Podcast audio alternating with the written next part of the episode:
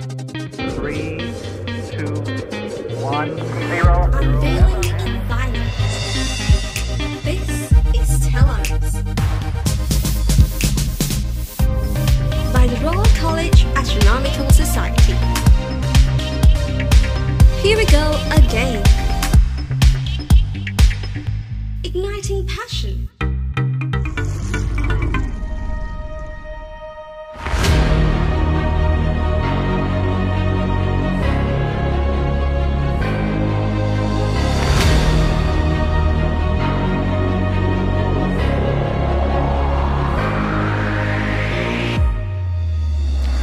භෞතික විද්‍යාවේ තවත් එක් කොටසක් වෙච්ච පාටිකල් ෆිසිස් ගැන තමයි අද අපි කතා කරන්න සූදානම් වෙන්නේ. රෝල් කොලෙජ් ස්ටනොමිකල් සයිටකින් ඔලට අරගෙනෙන ස්ටෙලර් ස්පෝට්කා සිරෙසගේ තුන්වැනි පිසෝඩ් ඇත් එක්ක තමයි ඔල මේ මෙලිසින් එකතු වෙන්නේ. ඔලට පුළුවන් අපේ පොඩ්කා සිරිස ඇත් එක එකතු වෙන්න. යන්න අපේ ඔෆිසිල් වෙබ්සයිට එකට www.rollcollegeastronomy.com ඒ වගේම Google podcast Apple podcast Castbox වගේම ඇක.ම් කෙන ස්ත්‍රීමි පලට්වන්තලනුත් ඔලට පුළුවන් අපේ පොඩ්කා සිරිස ඇත් එක එකතු වෙන්න. අප Stellaris පෝඩ්කා සිරිසගේ පලටිනම් sponsor රොබියලක් Robbie you like, Robbie you like, makes you want more, no turning back. Robbie you like, Robbie you like, if you wanna know where the shine is at. Robbie you like, Robbie you like, keep you coming back for more of that. Robbie you like, Robbie you like, you can't go wrong with Robbie you like. Once you go Robbie Elect, there's just no turning back. Premium quality, excellent coverage, and a wide range of colors. Robbie Elect, adding color to life. Particle physics first part එකෙන් අපිත් එක දැනුම් බෙදාගන්න අද එකතු වෙන්නේ Colombo nano තාක්ෂණ ආල්තනය වසරේ කොළහක් සේවය කළ වර්තමානයේදී මොරටුව විශ්වවිද්‍යාලයේ ජේෂ්ඨ කතිකාචාරය ඩොක්ට නදීකා තිසේරා. අයිබෝන් අයිබෝන්ති සඟ සයින්ස් ෆිල්ඩගේ වසර ගණනාවක් කටයුතු කල්ලා බොහොම අදකම් තින ඔබතුමිය. අපත් එක් එකතුවීම අපිට විශාල ගෞරවයක්. ඉතින් ඔබතුමිය පිළිබඳව පොඩි හැඳින්වීමක් කළොත්?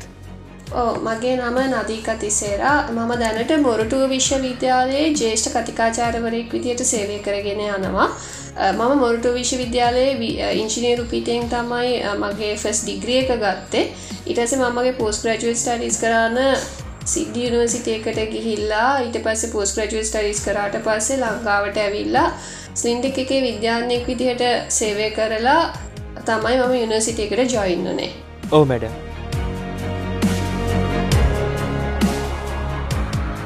පාටිකල් ෆිසික්ස් එහමත් නැත්නම් අංශු භෞතික විද්‍යාව කියන්නේ අපිට පාසල් විෂය නිර්දේශය තුළ වැඩිය හමුවන මාතෘකාවක් නෙවෙයි. ඉතින් අංශු භෞතික විද්‍යාව එහමත්න්න පාටිකල් ෆිසික්ස් ගැන ඔබතුමියට පොඩි හැඳින්වීමක් කරන්න පුළුවන්ද.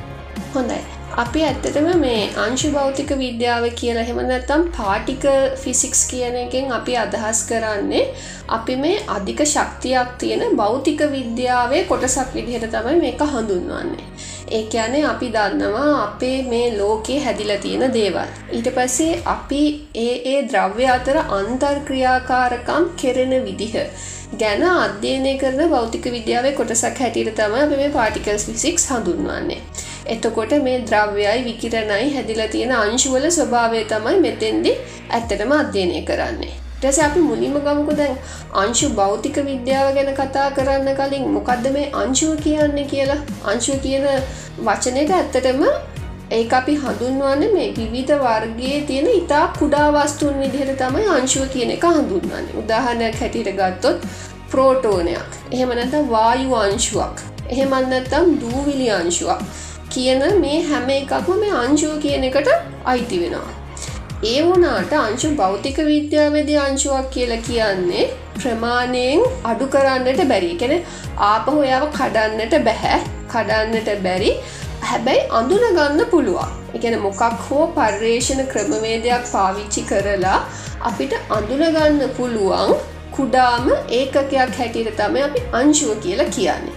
එතකොට අංශු භෞතික විද්‍යාවිදි කියන්නේ මේ අංශු ඒ වගේ හැසිරීම පැහැදිලි කරලා ඒ වගේම ඒ අංශු අතර තියෙන මූලික අන්තර්ක්‍රියා විමර්ශණය කරන කොටසක් තමයි පාටිකල් ෆිසික්ස් කියලා කියන්නේ.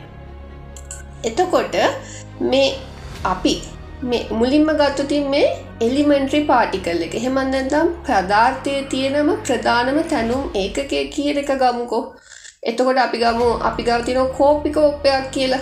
මේ කෝපිකෝප්පයක් අරගෙන අපි මේක පොඩි පොඩි කෑලිවට කඩාගෙන කඩාගෙන යනවා. කඩාගෙන කඩාගෙන ගිහිල්ලා නැවත කඩලා එහෙම නැතම් එක නැවත බෙදලා වෙන් කරන්නට බැරි මට්ටමකට එනවනේ. මේකට තමයි අපි ෆන්ඩමෙන්ටල් පාටිකල් එකක් කියලා කියන්න. ඒකැන එක තවදුරටත් මේක හැදිලා තියෙන්නේ මොනවෙයින්ද කියන එක කියන්නට බැහැ අන්න එතෙන්ට ගිහාම තමයි අපි මේක තවදුරටත් බෙදා වෙන් කළ නොහැකි කියන මට්ටමට එන්නේ. ඕ මැඩම් එතකොට පාටිකල් ෆිසික්සල ඉතිහාසේ එමනත් නම් පාටිකල් ෆිසික්ස් ආරම්මනේ කොහොමද කියලා බොඩි පැදිලි කිරීමක් කළොත්?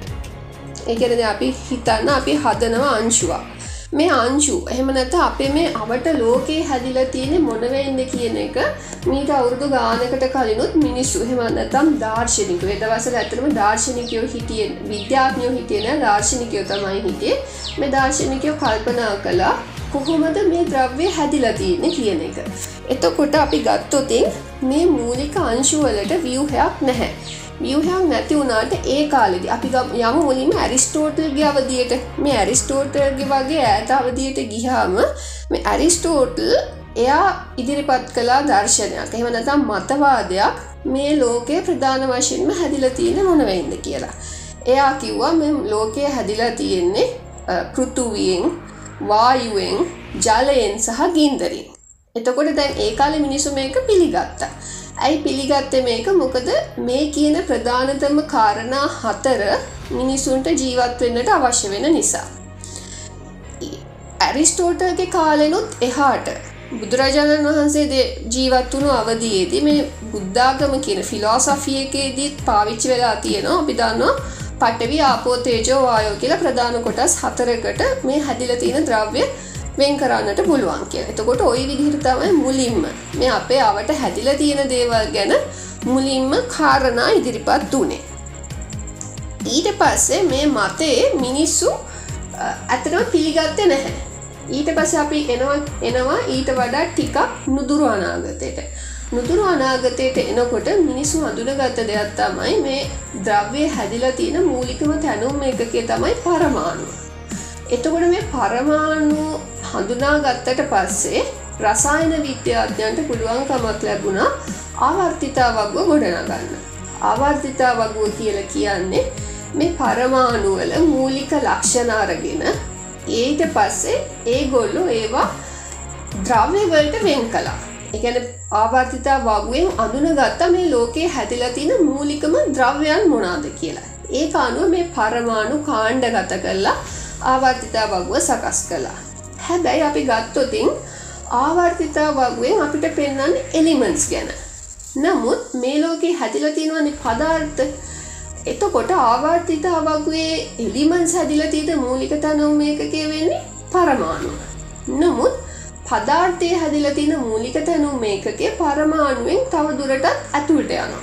උදාහරණයක් හැටියට ගත්තුතින් අපි ගමු පරමාණුවේ ඉලෙක්ට්‍රෝන තියෙනවා. එතකොට මේ ඉලෙක්ට්‍රෝන කියන එක මිනිසුන් හොයාගත්ත පර්යේෂනාත්මක මේ ඉලෙක්ට්‍රෝනය නැවත බෙදල වෙන් කරන්න බෑ. එකන ඉලෙක්ට්‍රෝනය හැදිල තියෙන්නේ නැහැ වෙන මොහොකින්ම නොමුත් මේ පරමාණුව එගොල කලින් කතා කලා මේ පරමාණුට වියවහයක් තියෙනවා. පරමාණුට න්‍යෂ්ටියක් තියෙනවා. එ න්‍යෂ්ටිය වටයට බ්‍රමණය වෙන ඉලෙක්ට්‍රෝන වලාවක් තියෙනවා. එතකොට මේ පරමාණුව න්‍යෂ්ටිය කියන එක මුලින්ම ගොල හිතල තිබ්බේ මේ න්‍යෂ්ටියත් බෙදාවෙන් කරන්න බැහැයි කියලා නොමුත් පස්සෙ කාලකදි හොයාගත්තා මේ පරමාණුව තිද න්‍යෂ්ටියක් සමාන්විත වෙනවා ප්‍රෝටෝන සහ නිියුට්‍රෝනවලින් කියලා. එතනින් එහාට ගිහිල්ලා මේ විසිවෙන සියවසේ මැදභාගයේදී. විසිවෙන සියවසේ මැදභාගයේදී මේ න්‍යෂ්ටිය අඩංගුවෙන මේ ප්‍රෝටෝනයි නිියුට්‍රෝනයි.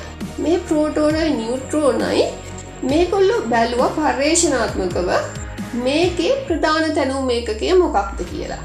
එතින් දියගොල හොයාගත දෙයක් තමයි මේ ප්‍රෝටෝනයි නිියුට්‍රෝනයි කියන එක තව දුරටත් බෙදන්න පුළුවන්. ඒවා හැඳින්නුව මේ නූතන භෞතික විද්‍යාවෙදි කෝක්ස් කියලා. මෙන මේ විදිහට තමයි මේ ෆන්ඩමෙන්ටල් පාටිකල් ෆිට්සික්ස් කියන එක මුලින්ම කරලියට එන්න. ඊට පස්සේ ඇයි මිනිසුන්ට මේ පාටිකල් ෆිසික්ස් කියන එක ඕන වනේ. ඒගොල්ලොන්ට අවශ්‍ය වනා දැනගන්න මේ ලෝකයේ ද්‍රව්‍ය හැදිලා තියෙන විදිහයි. ඒ ද්‍රව්‍ය අන්තර්ක්‍රියා කරන විදිහයි කොහොමද සිද්ධ වෙන්න කියලා. මේ බලන්නකො ඒක ගැන අපිට කතා කරන්න කලින් මම පොඩි සරල උදාහරණයක් දෙන්න. දැන් අපි ගිනිවැලයක් ගහලා මේ ගිනිවැලට අපි දානවා පත්තර කොලයක් එහෙම නැත්නම් මොන හරි පිච්චෙන්න පුළුවන් තව ද්‍රව්‍ය දානවා. ඊට පස්සේ ඒක පිච්චෙන්න පුළුවන් උෂ්ණත්වයට අපි මේ ගිනිමැලය ගේනවා. මේක හොඳට දහනය වෙන්න පුළුවන් නම් මොකද වෙන්නේ මුලින්ම මේ ද්‍රව්‍ය ඒගොල්ලෝන්ගේ ප්‍රධාන සංඝටකවලට බෙදෙනවා. ඒ කියන්නේ උදාහරණයකට පත්තරයක් තියෙන එක කාබන් හයිඩ්‍රජන් ඔක්සිජන්. ඊට පස්සේ තවදුරටත් එහාට ගිහිලා මේ කාබන් හයිඩ්‍රජන් ඔක්සිජන් කියන පරමාණු එයාගේ මූලිකම නිියුට්‍රෝනවලට ඉට පස්සේ ප්‍රෝටෝනවට ඉටස ඉලෙක්ට්‍රෝනවට වෙන් වෙන්න පුළුවන්. මෙතදනුත් එහාට ගිහිලා අපි තවදුරටත් මේ ගිනිමැලේ උෂ්ණත්වය වැඩි කරනවා නම් මේ ද්‍රව්‍ය ඒ ගොල්ලොගේ මූලික තැනුම් එකකට කැඩෙනවා. ඒ කියන්නේ කවාක්ස් වලට ලෙප්ටෝන්ස් වලට ඇන්ටිමැටවර්ට ඒ හැම දේකටම එයා කැඩිලා යනවා. එතනිනුත් එහාට ගිහිල්ලා තවදුරටත් මම මේක උෂ්ණත්වය වැඩි කලෝතින් මෙයා මේ අංචු එකට එකතු වෙලා බැඳල තියාගත්ත යාගේ ෆන්ඩමෙන්ටල් ෆෝසස් හතරට මූලිකම බල හතරට කඩන්නට පුළුවන්. එතකොට මේ මූලික බල හතර තමයි අපේ දැනට ලෝකයේ අපේ මේ සෑම ක්‍රියාකාරකමක්ම තීරණය කරන්නේ. එතකොට මේ මූලික බල හතර මොකක්ද කියන එක ගැන අපි පොඩි අවබෝධයක් ගත්තුතින් අපිට මේ මූලිකම බල හතර ඉගොලො බෙදනවා ප්‍රබල බලය ඊට පස්සේ ඉලෙක්ට්‍රෝමැග්නිට විද්‍යු චුම්භක බලය හැටියට ඊට පස්සේ දුර්වල බලය හැටියට සහ අනික් එක ගුරුත්වාකර්ශණ හෙමනැත්තම් ආකර්ශණ බලය හැටියට ඔන්න ඔය ප්‍රධාන බල හතරට මේ ද්‍රව්‍ය බෙදල වෙන් කරන්න පුළුවන්. එතකොට මේක තමයි මේ විශ්වය හැදිච්ච මූලිකම අපි මේකරගෙන ප්‍රයිමෝඩියල් සුප් එකක් කියලා. මේ සුප් එකේ මේ බල හතරයි මේ මූලික අංශුන් ටිකයි සේරම එකට එකතු වෙලා තියෙන්නේ. මේක උෂ්ණත්වය අධික ශක්තියක් ඉතාමත්ම අධික බොහොම එකට එකතු වෙච්ච සුප් එකක් හැටියට තම මේ විශ්වය හැදි හැතෙද්දි තිබුණයි කියලා මිනිස්සු විශ්වාස කරන්නේ. එතකොට අපි එතන ගැන පොඩ්ඩක් කතා කළෝතින් මේ ප්‍රයිමෝඩියල් සුප් එක කියන එකයි මේක කාලයයි අතර ගත්තුතින් ඒගොල කතා කරනවා මේ ප්ලාංක් කියලා කාලවකවානුවක් ගැන මේ විශ්වය ගැන කතා කරද්දි. මේ ප්ලාං කියන කාලවකවානුව එගොලු නිර්දේශ කරන්නේ කාලය තප්පර දහයි රින හතලිස් තුනේ බලය කියන කාලසීමාව ඇතුළතදි. ඒ කියන ඒ කාලසීමාවට කලින් මේ විශ්වයේ මුකුත් තිබුන් නැහැයි කියන උපකල්පනය යටතේ ඉඳගෙන ඒ ගොල මේ ප්ලාංක් කාල වකවාන් වෙදිය කැන කාලය දහයිරින හතලිස් තුනයි තප්පර කියන කාලයේදී ඒ ගොල මේ ප්‍රයිමෝඩියල් සුප් එක ගැන කතා කරනවා. එතකොට මේ වෙලාවෙති මේ ප්‍රයිමෝඩියල් එක සුප් එකේ එගොලො කියන්නේ උෂ්ණත්වය සාමාන්‍යයෙන් දහය දහය තිස්සෙක් විනි බලයක් වගේ සෙන්ටිග්‍රේඩ් අංශක දහය තිස්සක බලය අගයක් වගේ තිබිලා තියෙනවා කියලා. එතකොට මේ ප්‍රයිමෝඩියල් සුප් එක තියෙන වෙලාවෙදි මේ අධික උෂ්ණත්වය නිසා තමයි මේ සියලුම බලටික එකට එකතු වෙලා සහ මේ පදාර්ථ හැදිලා තියෙන මූලික අංශූන් ගෙනුත් මේ ප්‍රයිමෝඩියල් සුප් එක සකස් වෙලා තියෙන්නේ. එතකොට මේ වෙලාවෙදි ඒ වගේම මෙතන ශක්තිය මෙතන ශක්තියගල කතා කරනවා සාමාන්‍යයෙන් ගිගා ඉලෙක්ට්‍රෝනෝට් එකනේ අපි සාමානින් ඉලෙක්ට්‍රෝන් වෝල්ට් වලින් අපේ විද්‍යුත් ශක්තිය ගැන හෝ අනික් ශක්තිීන් ගැන කතා කරන්න එතකොට ගිගා ඉලෙක්ට්‍රෝන් වෝල්ට් දහයේ දහ නමවෙනි බලයක් වගේ තිබිලා තියෙනවා කියලා කියනවා. ඊට පස්සේ මෙතන මේ ප්‍රයිමෝඩල් සුප් එක එහෙම නැත්තම් ප්ලාං කාල වකවානුවේ ඉඳලා කාල පරාසය සාමාන්‍යයෙන් දහයේ රින තිස් පහයි කියන තප්පර ගානට වගේ කාලයකට එනකොට මොකද වුණේ මේ ප්‍රයිමරි ෆෝසස් හතරෙන් අරමං කලින් කතා කරපු ප්‍රබල බලය දුර්වල බලය විද්‍යුච්චුම්භක බලය සහ ග්‍රවිටේශනල් ෆෝස් එක. මේ දහයි රින තිස් පහ කියන කාලසීමාවට එනකොට මේ බල හතරෙන් ග්‍රවිටේශනල් ෆෝස් කියන එක වෙන් වෙනවා. එතකොට මේ වෙලාවෙදී මෙයාගේ උෂ්ණත්වය දහය තිස්සෙක්විනි බලය තරම් විශාල නැහැ ඊට වඩා උෂ්ණත්වය ටිකක් අඩුයි. හැබැයි මේ වෙලාවෙදී දුර්වල බලයයි විද්‍යුච්චුම්භක බලයයි ප්‍රබල බලයයි කියන මේ බල තුන එකට එකතු වෙලා තියෙන්නේ. එතකොට මේ වෙලාවෙ ඉඳලා මේ දහයිරින තිස් පහ කියන කාලපරාසය ඉඳලා සාමාන්‍යයෙන් දහයිරින තිස් දෙක කියන කාලපරාසය ඇතුළතදී තව දෙයක් සිද්ධ වෙනවා. ඒක තමයි මෙතැන්දි ස්ට්‍රෝන් ෆෝස් කියන එක එලියට එනවා. ඒ ගැන නැම් ඔය ඔය කාල පරාසය ඇතුළතදි ස්ට්‍රෝන් ෆෝස් එක අර බල තුනෙන් එලියට යනවා. එතකොට දැන්තියන වීක් ෆෝස් එකයි ඉලෙක්ට්‍රමගනටික් ෆෝස් එකයි විතරයි. එතකොට මේ වෙලාවෙදි මේ කතා කරන්නේ අපි මේ කියන ප්‍රයිමෝඩියල් සුප් එකේ උෂ්ණත්වය සාමාන්‍යයෙන් දහයේ විසිහය වගේ ප්‍රමාණයක්. ඒ වගේම මේක කොස්මික් ඉන්ෆලේෂන් අවස්ථාව. ඒ ගැන මේ වෙලාවෙදී අපි ගත්තුතින් මේ විශ්වයේ තිබ්බ ද්‍රව්‍ය සාමාන්‍යයෙන් ප්‍රෝටෝනයක ප්‍රමාණය ඉඳලා සෞරග්‍රහ මණ්ඩලයේ තියෙන සෞරග්‍රහ මණ්ඩලේ තියෙන ලොකු පරාසයකට යන. හරිද එතකොට ඔන්න ඔය කාල පරාසය ඇතුළතදි තමයි මේ කියන එක බලයක් මෙතනින් වෙන් වෙන්නේ. ඕ මැඩම් එතකොට මේ ප්‍රයිමෝඩියල් සුප් එකේ අපි මේ ගන්න දහයේ රින තිස් දෙක කියන කාලපරාසයේදි තමයි මේ කොස්මික් ඉන්ෆලේෂන් එක සිද්ධ වෙන කොස්මික් ඉන්ෆලේෂන් කියල කියන්නේ සාමාන්‍යෙන් අපි ගත්තතින් සව අපි මේ කොස්මික් ඉන්ෆලේෂන් එකති ප්‍රෝටෝන එක තියෙන සයිස් එකේ වස්තුූන් සාමාන්‍යයෙන් සෞරග්‍රහ මණ්ඩලය සයිස් එකට ලොකුවෙනවා. එතකොට මෙතෙන්දි මේ මම කියන මේ ප්‍රධාන බලය සොරි ස්ට්‍රෝන් ෆෝස් කියන එක මේ ෆෝසස් තුනෙන් වෙන් වෙනවා. ඊට පස්සේ අපි යනවා කෝක් කිපෝක් එකට එහෙම නැතම් කෝක් කියන කාල පරාසයට කොක් කියන කාලපරාසය සාමාන්‍යයෙන් අයිති වෙන්නේ කාලය දහය රින දොළහයි තප්පර කියන කාලපරාසේදී. මේ කාලපරාසේදී උෂ්ණත්වය වෙන සාමාන්‍යයෙන් සෙන්ටිග්‍රේට් අංශක දහය පහළව. මෙන්න මේ කියන වෙලාවෙදි ඉලෙක්ට්‍රොමැග්නටික් ෆෝස් එකයි වීක් ෆෝස් එකයි එකිනෙකට වෙන් වෙන. ඔන්න ඔය කියන විදිහට තමයි මේ අපි කතා කරපු මේ ප්‍රයිමෝඩියල් සුප් එක ඉඳලා ඒ ගැන මේ ෆෝසස් හතර ඔක්කෝම එකට එකතු වෙච්ච තැන ඉඳලා විශ්වය හැදෙනකොට කොහොමද එක එක කාල වකවානු වලදී මේ ෆෝසස් වෙන් වුණේ එතකොට මේ ෆෝසස් හතර එකට තියෙනකොට අපි මේ පදාර්ථ හැදිලා තියෙන සේරම තැනුම් ඒකක ටික එකට එකතු වෙලා තිබ්බේ. එතකොට අපි ගත්තොතින් අද අපි මේ කතා කරන අංශු භෞතික විද්‍යාවේදී මේ පදාර්ථයන් හැදිල තියෙන මූලිකම ද්‍රව්‍යයන් එමන මූලිකම අංශූන් ටික ගත්තුතින් මේ අංශූන් එකිනෙකට සම්බන්ධ වෙලා තමයි අපේ මේ ෆෝසර්ස් ඇති කරන්න හෙමනතත් බලයන් නැති කරන්නේ. එතකොට අපි ගත්තුති මේ අංශු භෞතික විද්‍යාව අපි ගැන කතා කරනකොට නැමාර කලින් කිව්වා පරමාණුවක් ගත්තුතින් මේ පරමාණුව හැදිල තියෙනවා න්‍යෂ්ටියකින් එතකොට මේ න්‍යෂ්ටිය අපි කලින්ම කතා කරලා තිබේ කලින්ම න්‍යෂ්ටියක් හැදිලා තියෙන ප්‍රෝටෝන සහ නිියුට්‍රෝන වලින් කියලා. නමුත් දැන් අලුත් පර්යේෂණවලින් විසිවන සිවසේ මැදවාගේති කරපු පර්යේෂණවලින් හම්බ වෙලා තියෙන මේ න්‍යෂ්ටිය හැදිලා තියෙන කොක්ස් වලින් කියලා. එතකොට මේ කවාක්ස් ඊට පස්සේ එයාගේ ලෙප්ටෝන්ස් කවාක්සන් ලෙප්ටෝන්ස් කියලා ජාති දෙකක් තියෙනවා අංශු භෞතික විද්‍යාවද අපි කතා කරන්නකොට. කෝක්ස් දැනට හයක් හොයාගෙන තියනවා ලෙප්ටෝන්ස් දැනට තව හයක් හොයාගෙන තියනවා ඊහඟට මේ කවාක්ස් වලටයි ලෙප්ටෝන්ස් වලටයි ඇන්ටිමැටර් කියලා තවත් ඒකට ඇන්ටිපාටිකර්ස් ජාති දොළහක් හොයාගෙන තියෙනවා ඔන්න ඔය කියන ප්‍රධානතම අංශූන් මූලිකම අංශූන් විසිහතරකුයි.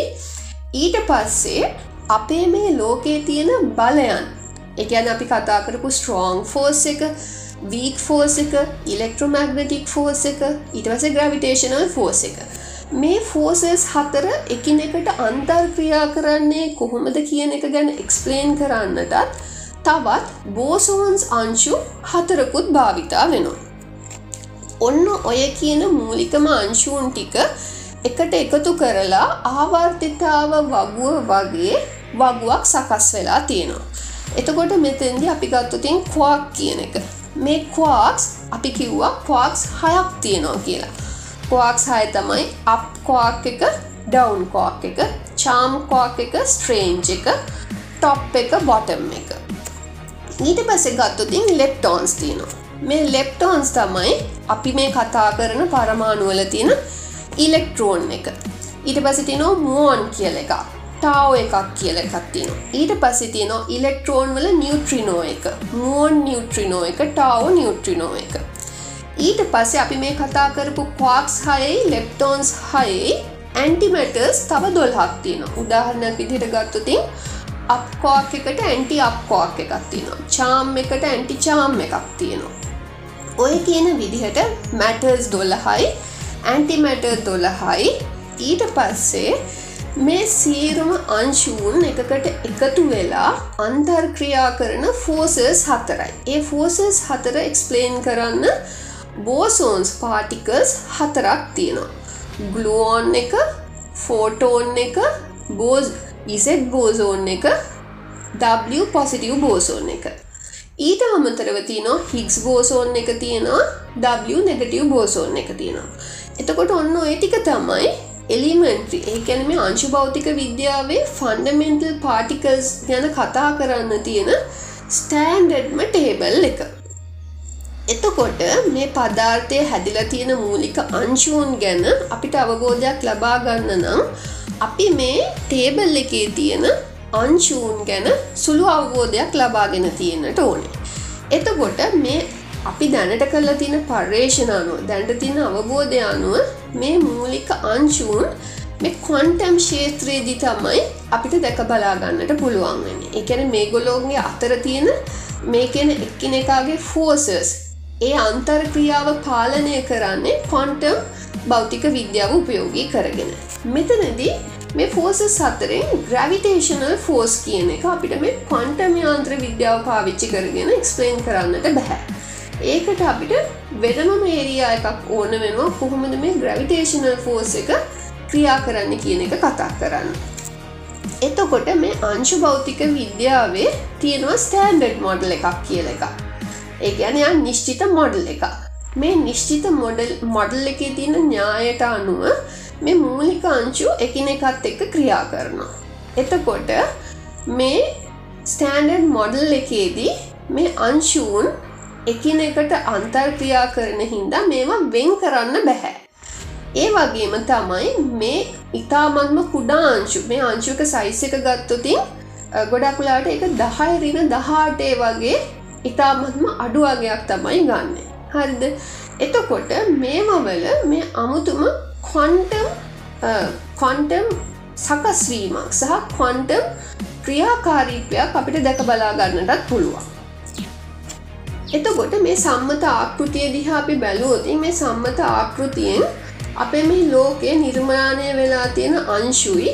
ඒ අංශු වැඩ කරන විදිහ ගැන කතා කරන්න පුළුවන් කියලා මම කිවනද උදාහරණයක් හැටියට හිතන්න. කෙනෙක් අහන්නට පුළුවන් අපිට ආලෝකය ලැබෙන්නේ කොහොමද කියලා.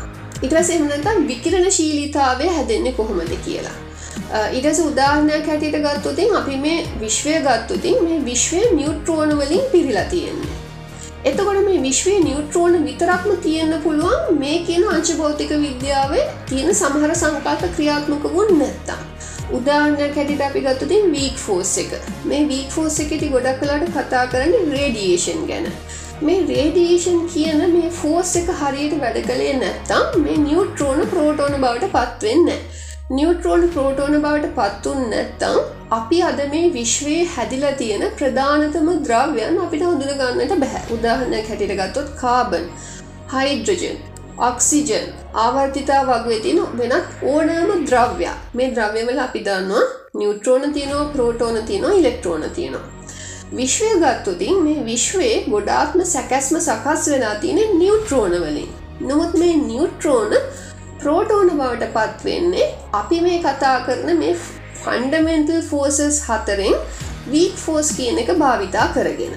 එතකොට එතෙන් ඒගොල්ලො ඩිස්ක්‍රයි් කරනවා විස්තර කරනවා කොහොමද නිියුට්‍රෝනයක් ප්‍රෝටෝනයක් බවට පත්වෙන්නේ මේ ඩික එක වෙන්න කොහොමද? මෙතැන්දි කොහොමද මේ අංචුවන එකනකට එකක් ක්‍රියාත්මක වෙන්නේ. ඊළඟට අපි තවත් ගත්තොතින් අපි හිතන්න අපි කතා කරනවා අපේ මේ නිියුක්ලියස එක හැදිල තියෙන ප්‍රෝටෝන ගැන. නිියුට්‍රෝන ගැන අපි කතා කරනවා. එතකොට කොහොමද නිියවක්ලියස් එකක් ඇතුළේ පරමාණුවක ඥෂ්ටියක් ඇතුළේ එක හා සමාන චාර්ජ එකක් තියෙන ප්‍රෝටෝන එකිනෙකට එකක් විකර්ශණය නොවී තියාගන්න කොහොමද? ඔන්න ඔය කතාව එක්ස්පලේන් කරන්න අපිට අංශ භෞතික විද්‍යාව පාවිච්චි කරන්නට පුළුවන්. උදාහරණයක් ඇටියට ගත්තොතින් දැමං කතා කලා මේ අංශු භෞතික විද්‍යාවද අපි කතා කරනවා කියලා. අපේ මේ තියෙන ෆෝ ෆන්ඩමෙන්ටල් ෆෝසස් කතා කරන්නට පුළුවන් අපි අංශුවන් හතරක් අඳුරගෙන තියනවා උදාහනකට ගලෝන් එක ෆෝටෝන් එක ඉසෙට් බෝසෝන් එක W බෝසෝන් එක. මෙතනින් ගලෝන් එක තමයි ස්ට්‍රෝං ෆෝස් එක මීඩියට් කරන්න. හමට ස්ට්‍රෝං ෆෝස් එක කන්ට්‍රෝල් කරන්න බ්ලුවන් එක. ඊටස්සේ ඉලෙක්ට්‍රෝමැග්නටික් ෆෝස් එක මීඩියට් කරන්නේ ෆෝටෝන් එක. ඉටස ඉසෙට් බෝසොන් එකයි W බෝසොන් එකයි තමයි වීක් ෆෝස් එක ක්‍රියාත්මක වෙන්නේ. එතකොට දැමන් කතා කරපු විදියට මේ පරමාණුවක න්‍යෂ්ටිය ගත්තුතින් ඒ පරමාණුක න්‍යෂ්ටියේ ප්‍රෝටෝන කීපයක් තියෙන්න්නට පුළුවන්. අපි දන්නවා ප්‍රෝටෝන් එකට පොසිටව් චාර්ජ එකක් තියෙනවා. එතකොට කෙනෙක් ප්‍රශ්න කරන්න පුළුවන්. ඇයි මේ ප්‍රෝටෝන එකනෙකට විකාශනය නොවී තියෙන්නේ කියලා? ඒ විකාශනය නොවී තියෙන ප්‍රධානතම හේතුව තමයි මේ ප්‍රෝටෝනය අගත්තුති මේ ප්‍රෝටෝනය හැදල තියෙන කෝක්ස් වලින්. මෙතෙන්දි පාවිච්චි වෙනවා අප කෝක් එකයි ඩවන් කෝක් එකයි. මේ කෝට් කෝක්ස් වල කම්බිනේෂන් එකක් තමයි තියෙන එතකොට මේ කවාක්ස් තුනක් ප්‍රෝටෝනයක් සමන්විත වෙන මේ කවාක්ස් තුනා එකනෙකට බැඳල තියාගන්න ගලෝන් එහෙකින් ගලෝන් එක තමයි ඒගොල්ලු අතර අන්තර් ක්‍රියා කරන ෆෝස් එක. මේ ගලෝන් එකේ ප්‍රබලත්වී ඉතාමත්ම වැඩි. මේ ප්‍රබල ගුවන් කියන ෆෝස් එකින් මේගොල්ලොම බැඳල තියාගෙන ඉන්න හින්ද තමයි ඥෂ්ටියක් ඇතුළතිදි ප්‍රෝටෝන විකර්ශණය නොවී තියෙන්නේ. එතකොට අපිට මොකක් හරි ක්‍රමයකින් මේ කවාක්ස් අතර තියෙන අන්තර් ක්‍රියා කරන මේ ෆෝස් එක අපිට අයින් කරන්නට පුළුවන්නම් එතෙන්ද ඉතාමත්ම අධික ශක්තියක් නිකුත් වෙනවා. අපි එක ඇත්තටම මේ ලෝකෙදි එක්ස්පීරියන්ස් කරලත් තියෙන දෙයක්. අපි දැකල තියෙනවා මේ පරමාණුක බෝම්බ. එමනදන් න්‍යෂ්ටික විකණ්ඩනයක් නිියවක්ලිය ෆිෂන්න් ෆෂන් කියන මේ ක්‍රියාවලියේදි සිද්ධ වෙන්නේ මේ කවාක්ස් අතර තියෙන ගලුවන් කියන අංශුවෙන් ඇති කරන මේ අන්තර්ක්‍රියාව එයා එතැදි කඩන එක තමයි කරන්න. එතකොට ඊට පස අපි ගත්තොතින් ඉලෙක්ට්‍රෝමැග්නටිසම් එක. ඉලෙක්ට්‍රෝමැග්නසිම් එකේදී අපි දන්න දෙයක් තමයි ෆෝටෝන් හුව මාරුවක් තමයි අංශු අතර සිද්ධ වෙන. මේ අංශු අතර සිද්ධ වෙන ෆෝටෝන් හුවමාරුවකින් තමයි අපේ ඇහැට ආලෝකය කියන එක පෙනෙන්නේ.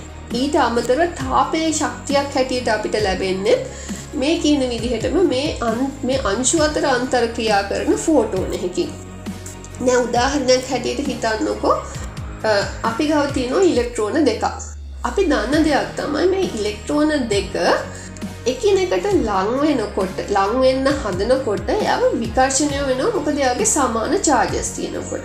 එතකොට මේ විකර්ශණය කොහොමද අපි එක්ස්පලේන් කරන්න? ඒක අපිට බොහොම සරල උදාහරණයක් කරගෙන මෙහෙම කතා කරන්න පුළා දැ හිතන්නක බෝට්ටු දෙකක් තියෙනවා. මොකක් හරි ගංගක් මැද්ද කියල හිතන්නකො. මේ බෝට්ටු දෙක ඉන්න පුද්ගලයෝ දෙන්නෙක්ගේ අතට අපි බාස්කට් බෝල් දෙකක් දෙනවා. මේ දෙන්න මේ බාස්කට් බෝල් දෙක එකනෙකාට හුවමාරු කරගන්නවා කියල හිතන්න. එතකොට මොකද වෙන්න?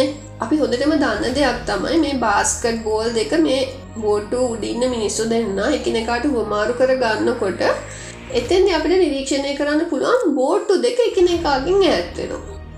අන්න ඔය විදිහට මෙතෙන්දි මේ ඉලෙක්ට්‍රෝන විකර්ශණය වෙනවා කියන එක අපිට එක්ස්පලේන් කරන්නට පුළුවන් මේ බාස්කට් බෝල් එක හරිට ෆෝටෝනයක් වගේ. මේ දෙන්න මේ ෆෝටෝන් දෙකක් හුවමාරු වෙනකොට තමයි මේ ඉලෙක්ට්‍රෝනය දෙපැත්තට යන්නේ. ඊට පසිතාව කෙනෙක්ට කියන්නට පුළන් එහෙනම් මේ දෙන්න ලං වෙන්නේ කොහොමද. උදාහනකට පොසිටව් චාර්ජයකුයි නෙගටව් චාර්ජයකුයි තින අංශු දෙක එකනෙකට සම්බන්ධ වෙන් එකනෙකට එකට එකතු වෙන්න කොහොමද කියලා කෙනෙකින් ඇහෝතින් ඒක එක්ස්පේන් කරන්න පුළුවන්. මේ ෆෝටෝනම් තින නෙගටව් චාර්ජ එකක් අපි ගමක. මේ නෙගටව් චාර්ජ එකකට ඒක හරියට මේ දෙන්නගේ අතේ තියෙනක හිතන බූමරංගයක් මේ බූමරංගේ දෙන්න එලියට විසික් කලෝතින් එකනෙකාට ඇත්වලා මේ බෝට්වන්න මිනිස්සු දෙන්න එකනෙකාට ලංවෙන්නට පුළුවන්. මෙතෙන්දී ඇතරම පාවිච්චි වෙන්න මේ අවස්ථිතිය ස්කන්ධයක්ත් එක්ක තියෙන අවස්ථතිය කියන මූලධර්මය. ඔන්න ඔය විදිහ කාරණාවලින් අංචූන් ඇයි එකිනෙකට ලංවෙන්නේ.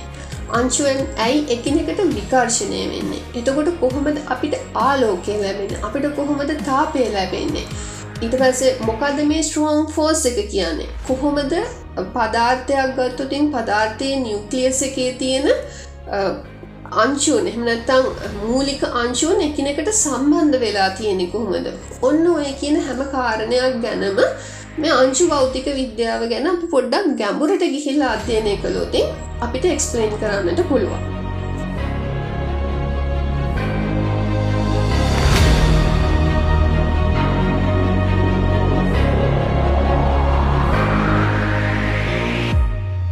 අපේ ස්ටලාරිස් පෝඩ්කා සිරෙසකෙන් ප්‍රටිනම් ස්පොන්ස රොබියල රබියලක් රබියලක් මික්ෂවන් මෝනෝ ටරන්බක් රබියලක් රබියලක් if you wanna know where the shine is at රබියලක් රබියලක් keep you coming back for more of that රබියලක් Rubielac. You can't go wrong with Rubielac. Once you go Rubielac, there's just no turning back. Premium quality, excellent coverage, and a wide range of colors. Like, adding color to life.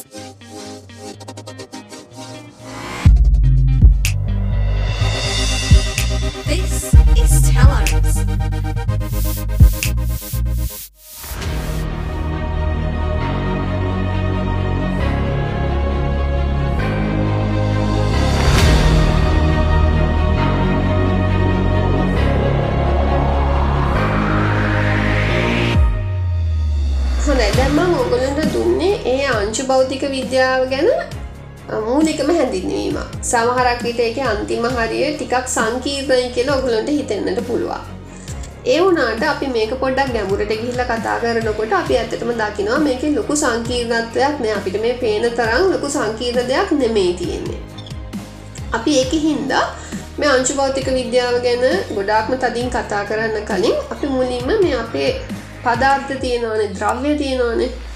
මේ ද්‍රව්‍යයෙන් පොඩ්ඩක් ඇතුළට ගිහිල්ලා අපි බලමුක පොඩ්ඩක් මේක මොනාද තියෙන්නේ කියලා. එහෙමනත අපි ද්‍රව්‍ය සූම් කල්ලා ඒ සූම් කරපු ද්‍රව්‍ය ඇතුළට ගිහිල අපි බලු මේ ද්‍රව්‍ය කොහොමද හැදිලා තියෙන්නේ කියලා. අපි මේ පදාර්ථයක් අපි විශාල කරනකොට අපිට ඇත්තටම පේන්නේ පරමාණු වලින් හැදිලා තියෙන අනු අපි ඔඩිකෙන අනු කියලා. මේ අනු එකිනෙකට බැඳිලා තියෙන්නේ. තකොට අනු කියලා කියන්නේ රසායනික සංයෝගයක තියෙන ඉතාමත්ම කුඩාම එක කියන. එතකොට සම්මහරක් කලට අපි බයලජි ගැන කතා කරනකොට අපේ පෘතුවිය හෝ අපි හරි හැදිලා තියෙන දේවල් ගැන අපි කතා කරනකොට අපි ගොඩක්ම කතා කරන මේ අනු ගැන. එතකොට භෞතික විද්‍යාවේදි හෝ රසායනික විද්‍යාවේදි වගේ නෙමෙයි අපි බාලජයක ගැන කතා කරනකට අපි කතා කරන්නේ අනු ලෙවල් එකේදී. නමුත් අපි ගත්තතින් රසායන විද්‍යාව කියන එක රසායන විද්‍යාව අපි කතා කරන්නේ පරමාණු සහ අංශූන් කියන තැන. මොකද පරමාණු අංශූන් ඉලෙක්ට්‍රෝන ඉලෙක්ට්‍රෝනවල සක්‍රියතාවය ඒ අනුව කොහොමද එකිනෙක එක එක පරමාණු එකිනෙකට සම්බන්ධ වෙන්නේ කොහොමද රියක්ෂන්ස් එහෙමනැත්තං රසායනික ක්‍රියාකාරකම් සිද්ධ වෙන්නේ කියන එක ගැන කතා කරනකොට අපි පරමාණු සහ උප පරමාණුක අංශූන් ගැන කතා කරනවා. ඉලෙක්ට්‍රෝන ගැන කතා කරනවා. ඉලෙක්ට්‍රෝන කවච ගැන කතා කරනවා. ශක්තිීන් ගැන කතා කරනවා. එතකොට බයලෝජි කෙමිස්ට්‍රී ඊළඟට ගත්තුතින් ෆිසික්ස්. ෆිසික්ස් වලදි කතා කරන්නේ පරමාණු සහ අංජුවලින් ඇතුළට ගිහිල්ලා තවත් බෙදල වෙන් කරන්නට බැරි ඉතාමත්ම කුඩා අංශුන්. ඒව සකස් වෙලා තියෙනෙ කොහොමද? දැසේ ඒවලට තියෙන ෆන්ඩමෙන්ටල් ෆෝසස් මොනාද මේවා අන්තර් ක්‍රියා කරන්නේ කොහොමද? කියන දේවල් ගැන තම අපි භෞතික විද්‍යාවටි කතා කරන්නේ. හොඳ අපි දැම පදාර්ථය අපි සූම් කරගෙන ඇතුළට යනකොට අපි කිව්වන අපි දැක්ක කියලා පරමාණුවලින් හැදිලා තියෙන අනු තියනවා. එතකොට අනුලෙවල්ල එකෙදි තම මේ බායලෝජිය එක ගැන. හෙමනැතං අපේ ලෝකයේ හැදිලා තියෙන හැටි අපිව හැදිලා තියෙන හැටි කොහොමද මේ කොහොමද ගස් වැවෙන්නේ? ඔය කියන කාරණා ගැන කතා කරන්න අපිට අනුපා අනු කියන තැනින් නවතින්නට පුළුවන්. ඊට වැස අපි ගත්තුතින් පරමාණුවක්. පරමාණුවක් කියල කියන්නේ ආවර්තිතා වගේ තියෙන ඕනම මූලද්‍රව්යක තියෙන කුඩාම එක කිය එකන් ආවර්තිතා වගේ තියෙන කුඩාම ද්‍රව්‍ය තමයි එමනතම් කුඩාම තැනුම එකකේ තමයි පරමාණුව.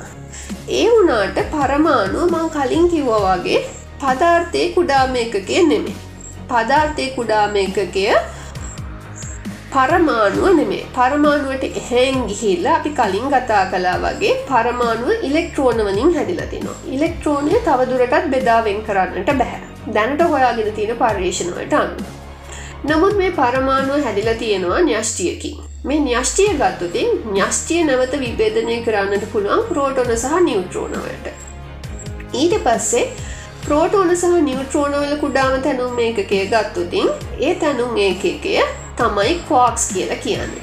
මේ කෝක්ස් කියන එක මිනිසුන් හොයාගත්තේ විසිවන සීවසය මැදභාගයේදී.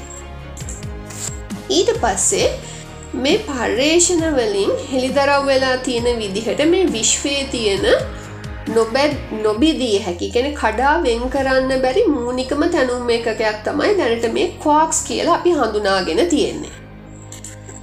එතකොට මේ කෝක්ස් අඳුනගත්තට පස්සේ ඒගොලු මොකද කරන්නේ මේ සම්මත මොඩ මොඩල් එකක් ඒගොලො ඉදිරිපත් කරනවා. මේ සම්මත මොඩල් එකේදී ඒගොල්ලෝ අරමං කලින් කියපු විදිට කාණ්ඩ ගත කරනවා කෝක්ස් වලට ලෙක්ටෝන්ස් වලට ඇන්ටිමැට වලට ඊට පස්සේ ෆෝස් මීඩියේට් කරන පාටිකල්ස් වලට. ඊට පස්සේ මේ ෆෝස් මීඩියේට් කරන පාටිකල්ස් වලින් තමයි ඉලෙක්ට්‍රෝනය පරමාණුවෙන් න්‍යෂ්ටියට බැඳල තියාගන්න විද්‍යුත් චුම්භක බලය ක්‍රියා කරන විදිහ ගැන කතා කරන්න. ඊට පස්සේ මේ ෆන්ඩමෙන්ටල් ෆෝසස් ගැන කතා කරන අංශුවලින් තමයි කතා කරන්නේ පරමාණුවේ මූලිකම තැනුම් එකයක් වන මේ න්‍යෂ්ටියයි න්‍යෂ්ටිය හැදිල තියෙන කෝක්සුයි කොහොමද මේවා විකර්ශණය නොවී එකනෙකට බැඳල තියාගන්න කියන එක කතා කරන්න. ඊට පස ගත්තුතින් අපි ගත්තුතින් මේ නිියක්ලිය ෆිෂන්න් ෆෂන් එකන නිියක්ලිය රියක්ෂන්ස් වෙන හැටි. කොහොමද ඥෂ්ටික ශක්තිය නිෂ්පාදනය කරන්නේ? කියන ඒවා ගැන කතා කරන්නට අපිට මේ අංශු භෞතික විද්‍යාවති ස්ට්‍රෝං ෆෝස් කියන බලය ගැන කතා කරන්න පුළුවන්. එතකොට මේ ස්ට්‍රෝං ෆෝස එක ගැන කතා කරනකොට එතන්දි මූලික වශයෙන්ම එකොළො කතා කරනවා.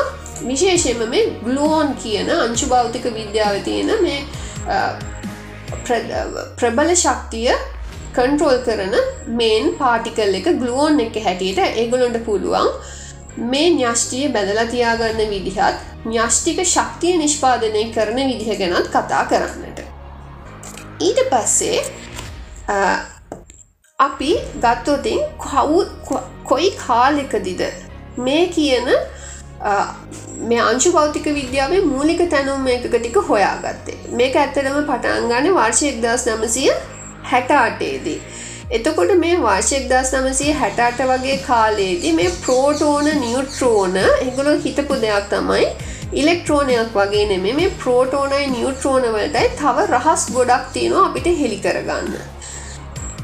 එතකොට එක් දස් නමසි හැටාට වගේ කාලේදී මේ ප්‍රෝටෝනයි නිියුට්‍රෝනයි තමයි නිියුක්ලියස එකේ තියෙන මූලිකම තැනුම් එක කියලා ගොල්ලො ෆයිනල් ඩිසිෂන් එක දුන්නට පස්සේ ඒ ගොල්ල තවදුරටත් පටන් ගත්ත මේ ප්‍රෝටෝන නිියුට්‍රෝනය හැදිල තියෙන මොනවයින්න කියලා කියන එතකොට දැම්මන් කතා කලා මෙව හැදිල තියෙන කෝක්ස් වලින්. කෝක්ස් කියලා කියන්නේ අප්කෝක් එක ඩවන්් කෝක් එක චාම් කෝක් එක. ඉඩස අප එක ඩවන්් එක චාම් එක ස්ට්‍රේන්ජ් එක ටොප් එක බොටන් එක. එතකොට මේ හැම එකකටම ඉලෙක්ට්‍රෝන් චාර්ජ් එකක් තියෙනවා. අපි උදාහරණ හැටියට ගමුක ප්‍රෝටෝන් එක ප්‍රෝටෝන් එකක් හැදිලා තියන්නේ අප්වා දෙකකිනුත් ඩවන්් පවා එකකිනුත්. එතකොට කොහොමද ප්‍රෝටෝන් එකට චාර්ජ එකක් කියන්නේ අපි ගත්තතින් මේ අප්කවාක් එකක් අප්කවාක් එක චාර්ජක වෙන්නේ පොසිටව් ඉලෙක්ට්‍රෝන් එකක චාර්ජ එකෙන් පොසිටව් තුනෙන් දෙකක්. ඩවන්් කෝක් එකකට වෙනම චාර්ජ් එකක් තියෙනවා. එයා ඉලෙක්ට්‍රෝනික නෙගටීව් චාර්ජකින් තුනෙන් එක එතකොට අපිට පුළුවන් අප්කෝක් දෙහෙකිනුයි ඩවන්් කෝක් හෙකුණේ හැදලා තියෙන ප්‍රෝටෝන් එකකට ෆයිනලි එයාට පොසිටව් එක චාර්ජ් එකක් තියෙනවා. ඊට පස්ස අපි ගත්තුතින් නිියුට්‍රෝන් එක. නිියුට්‍රෝන් එක හැදිලා තියෙන අප්කෝක් එහෙකිනුයි ඩවන් පෝක් දෙකකිනුයි. එතකොට මේගොලගේ ටෝටල් චාර්ජ එක ගත්තුතින් අප්කෝක් එකක් කියලා කියන්නේ තුනෙන් දෙකයි ඉලෙක්ට්‍රෝන් එතකොට තුනෙන් දෙකයි ඩවන් කෝක් එකක් කියලා කියන නෙගටව් තුනෙන් එකයි. එතකොට මේටික එකතු කරහම නිියුට්‍රෝන් එකට චාර්ජ එකක් නැහැ. ඒ වගේම තමයි අපි ගත්තුතින් ප්‍රෝටෝන් එක මේ ප්‍රෝටෝන් එක ඇතුළේ අප්කෝක් දෙකයි ඩවන් කෝක් එකයි. එකට බැඳිලා තියෙන ගලුවෝන් කියන ස්ට්‍රෝන් ෆෝස් එකින් එතකොට මේ ගලුවන් කියන ස්ට්‍රෝන් ෆෝස් එක හරියට රබර් පටියක් වගේ. ඒක දැන් අපි නෝමල් තත්ත්වයට තේ තියෙනකොට එයාගේ ශක්තිය අඩුයි. නමුත් අපි දන්න අපි රබර් පටියක් අරගෙන අපි අදිනා කියල හිතන්නකො. අපි අදින්න අදින්න මොකද වෙන්න? මේක බලය වැඩි වෙනවා. නමුත් එක තැනකති මේක කැඩෙනවා. මේ කැඩෙන තැනදි තමයි මේ ප්‍රධානම නැතම් ස්ට්‍රෝං ෆෝස් එක එලියට එන්නේ. එතකොට මේ ගලුවන් වලින් බැඳල තියාගෙන ඉන්න මේ කවාක්ස් ටික සාමාන්‍ය තත්ත්ව යටතේදී ගැන නෝමල් පරමාණුවක් ඇතුළතෙදී යගේ ශක්තිය අඩුයි. නමුත් මොකද වෙන්නේ? අපි මෙයාට බලයක් දුන්නතින් මෙයාව එලියට ඇදල ගන්න. රබර් පටියක් අදිනවාගේගේ බලය වැඩි වෙනවා. බලය වැඩි වෙලා යම්කිසි තැනක දියාව කැඩෙනකොට යම්කිසි තැනක දියාව කැඩෙනකොට මොකද වෙන්නේ? මේ එනර්ජී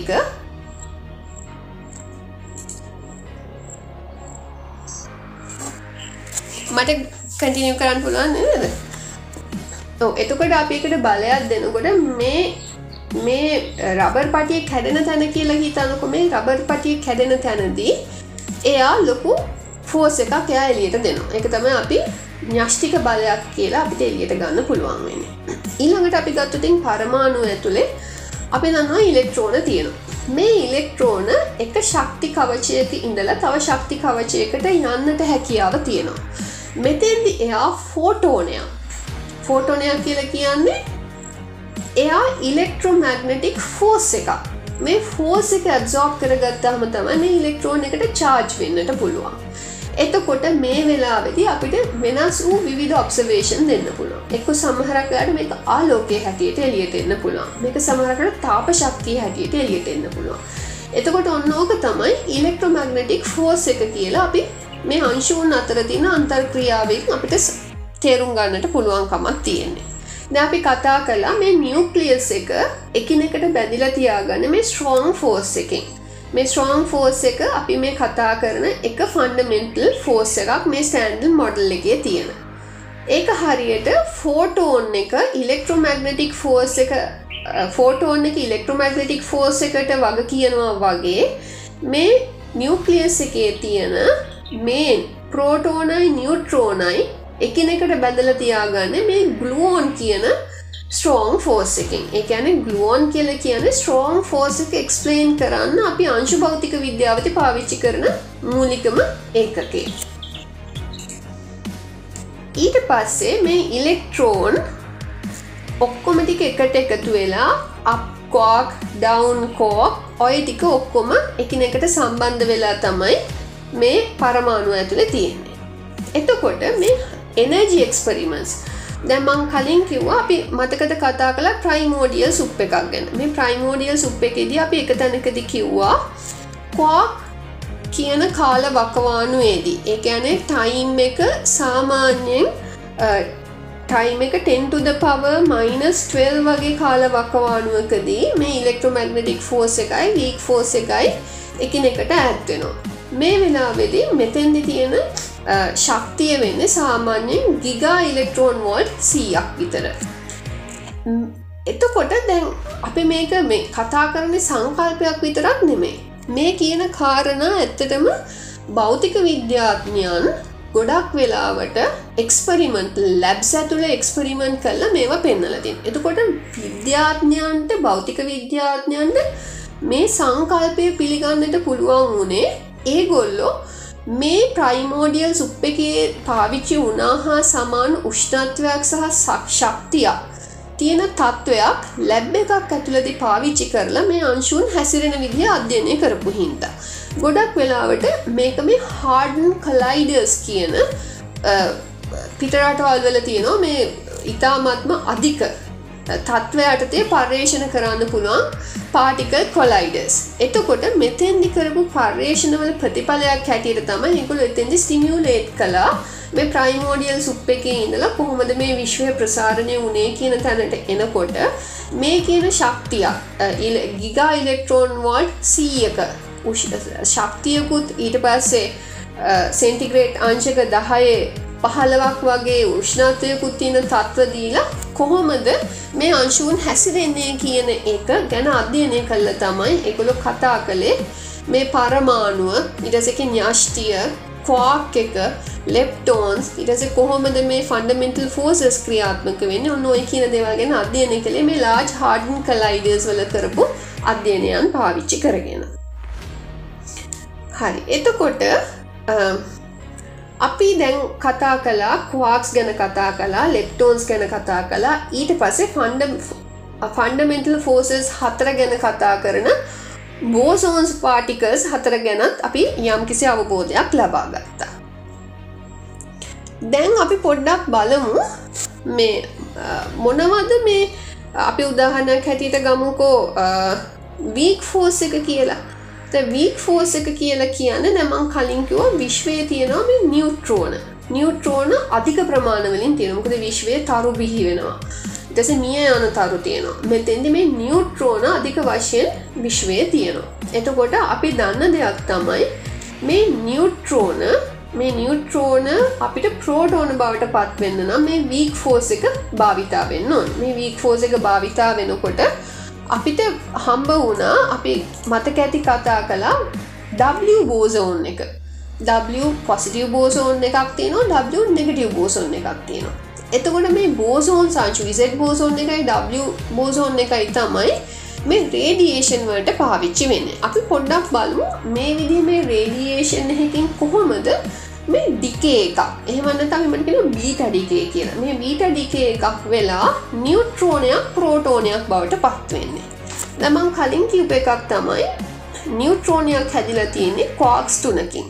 අප්කෝක් එහෙකිනුයි ඩවන්් කෝක් දෙකකිනුයි. මෙතෙන්දි නිියුට්‍රෝන් බීට ඩිකේ එකක් සිද්ධ වෙනවා. එක ඩවන්් කෝක් එකක් අප්කෝක් එකක් බවට පත්වෙනවා.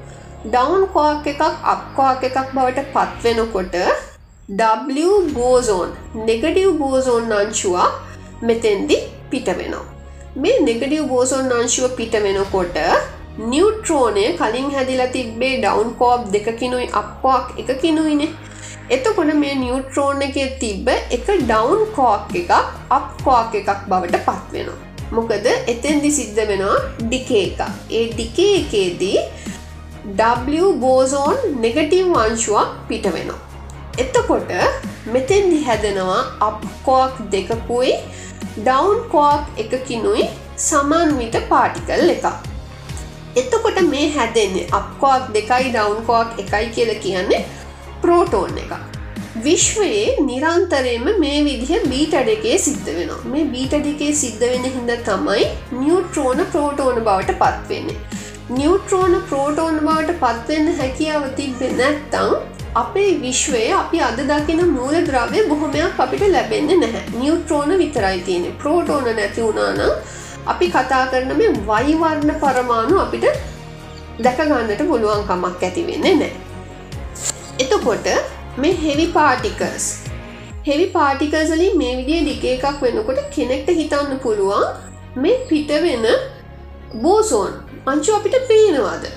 නෑ ඇත්තට මේක වර්චුවල් පාටිකල් එක මේ මේ අපි ඔය කතා කරන ෆන්ඩමෙන්ටල් ෆෝසස් ගවන් කරන මේ පාටිකල්ස් එම වර්චුවල් පාටිකල්ස් විතරයි. එම ඉතාමත්ම කුඩා කාලයක විතරයි රැඳිලා තියෙන්නේ. ඒක හරියට අරමං කතා කලින් කතා කරපු උදාහරණයේදී වගේ. දැන් කලින් කතා කරපු උදාහරණය මොකක්ද අපි කතා කළේ? ගඟක් මැද්දේ බෝට්ටු දෙකක් තියෙනවා. මේ බෝට්ටු දෙකේ පුද්ගලයෝ දෙන්නෙක් ඉන්නවා. මේ පුද්ගලයෝ දෙන්නගේ අතේ බාස්කට් බෝල් දෙකක් තියෙනවා. මේ පුද්ගලයෝ දෙන්න බාස්කට් බෝල් දෙක එකනෙකාට හුවමාරු කරගන්නකොට ඒ දෙන්න දෙපැත්තට යනවා. මෙතෙන්දී ඕගොල්ලොන්ට සමහරක් විට මේක පොඩ්ඩක් විශ්වලයිස් කරගන්න පුළුවන් වුණොත් මේ කියන බාස්කට් බෝල් එක හරියට මෙතෙන්දි මේ කියන බෝසෝන් W බෝසෝන් අංශුවක් වගේ. මේ W බෝසෝන් අංශුව මොකද වෙන්නේ? ඒ ඒ කියන ප්‍රෝටෝන එකයි නිියුට්‍රෝන එකයි අතර අන්තර් හුවමාරුවක් සිද්ධ වෙනකොට හෙමනැතම් ප්‍රෝටෝනයකින් තවත් නිියුට්‍රෝනයකින් තවත් නිියුට්‍රෝනයකොට යනකොට එයා ඉතාමත්ම කුඩා කාලයක් ඇතුළතදී රැඳෙනවා. මේක ශක්තියක් හැටියට රැඳෙන මේක පාටිකල් එකක් නෙමේ මේ ශක්තිය තමයි අපි එලියට රේඩියේෂන් එකක් හැටියට දකින්න. උදාහරණයක් හැටියට නිියුට්‍රෝන් එකක් ප්‍රෝටෝන් එකක් බවට පත්වෙනකොට මෙයා බෝසෝන් අංශුවක් නම් පිට කරන්නේ මේක විකිරණයක් හැටියට තමයි එලියට එන්නේ. වීක් ෆෝස් එහෙකදී එහෙවන්නතම් අපි ගත්තතින් බීට ඩිකේ හෙකති මේක රේඩියේෂන් එක ඊට අමතර අපි ගත්තතින් ඉලෙක්ට්‍රොමැග්නටික් ෆෝස් එකදී අපි ගත්තුතින් දැ අපි කතා කනු පරමාණුක එක කවචයක තියෙන ඉලෙක්ට්‍රෝනයක් අරගෙන ඒ ඉලෙක්ට්‍රෝනය අධික ශක්ති මට්ටමකට යන අධික ශක්ති මට්ටමකට යනකොට අමකද කරන්න? ෆෝටෝන් එකක් තමයි ඇබ්සෝප් කරන්න. එතකොට මේ ෆෝටෝන් නැබ්සෝප්ෂණ එක අපට ආලෝකය හැටියට පේනට පුළන් අපි අවට අපි දන්නවා අපිට විවිධාකාර වූ වර්ණ පේනවා එක එක ද්‍රව්‍යවලට එක එක වර්ණයන් තියෙනවා. එතකොට මේ වර්ණයන් අපිට දැක ගන්නට පුළුවන් වෙන්නේ මේ කියන එක්සයිටේෂන් එකකදී. මේ ඉලෙක්ට්‍රෝන එක්සයිටේෂන් එකකදී. මේ ඉලෙක්ට්‍රෝන එක්සයිටේෂන් එකකදී වෙන්නේ මේ කියන ෆෝටෝනයක පිටවීමක්. මේ කියන ෆෝටෝනයේ පිටවීමක් හෝ මේ කියන ෆෝටෝනයේ ඇබ්සෝප්ෂන් එකක්. අවශෝෂණයක් සිද්ධ වෙන නිසා තමයි අපිට මේ පාට පේන්නේ. එතකොට මේක අපිට එක්කෝ කල එක හැටියට පේන්න පුළන් එහෙමනත්තම් උෂ්ණන්තය වැඩවීමක් හැටියට දකින්නට පුළුවන්. එහෙමන්නත්තම් අපි ගත්තුතින් මේක ශබ්දය හැටියට අපිට හැන්නට පුළුවන්. ඔන්න ඔය ඔය විදිහට තමයි අංශු භෞතික විද්‍යාව ගොඩක් වෙලාවට අපිට පාවිච්චි කරන්නට පුළුවන් වෙන්නේ. කොහොමද අපේ අවට තියෙන ලෝකය අපිට එක්ස්පලේන් කරන්නට පුළුවන් වෙන්නේ?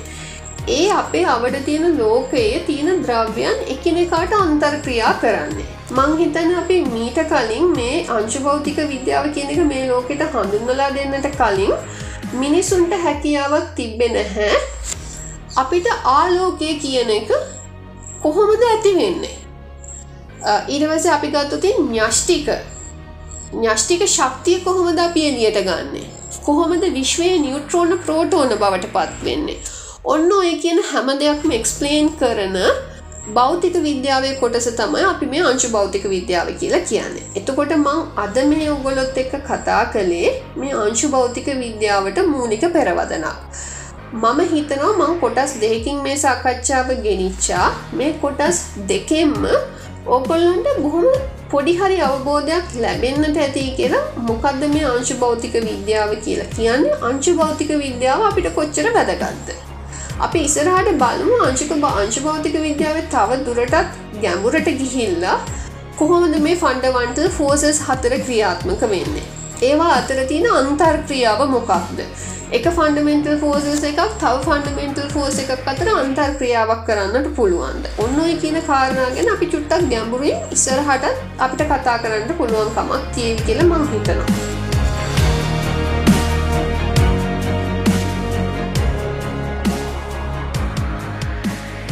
පාටිකල් ෆිසික්ස් පාට් වන්නගත්තය එකතු වෙච්ච ඔගොලු හැමෝටම ගොඩක් ස්තුතියි. ඒ වගේම ඩොක්ට නදිකා තිසිරට බොහොමත්ම ස්තුතියි තමන්ගේ වටිනා කාලය අපි වෙනුවෙන් අද යොමු කර ඔබගේ වටිනා දැනුම අපේ සමඟ බෙදාගැනීම ගැන. ඒ වගේම ස්ටෙලාරිස් පෝට්කා සිරෙස එකේ පාටිකල් ෆිසික්ස් දෙවැනි කොටස නුදුරේදීම අපි ඔබ වෙත ගෙනවා ඉතින් අපත් සමගින් එකතු වෙන්න කියලබට ආරාධන කරන ඔබට පුළුවන් www.royalcollegeastronomy.com අපේ වෙබ්සයිට් එකට ගිහිල්ලා ඒ වගේම uh, Apple podcast Google podcast Castbox වගේ ඇඟ.ම් කියන ස්ත්‍රීමින් පලටෆෝම් සලනු තුවලට පුළුවන් අපේ පෝඩ්කාස්ට එක් අප පෝඩ්කා සිරිස එක් එකතු වෙන්න ස්ටෙලර් ස්පෝට් කාස්ටගේ පලටිනම් ස්පොන්ස රොබියල Robbie you like, makes you want more, no turning back. Robbie you like, Robbie you like, if you wanna know where the shine is at. Robbie you like, Robbie you like, keep you coming back for more of that. Robbie you like. Robiolac. You can't go wrong with Robiolac. Once you go Robiolac, there's just no turning back. Premium quality, excellent coverage, and a wide range of colors. Robiolac, adding color to life. Technological partner, the Royal College Radio Club.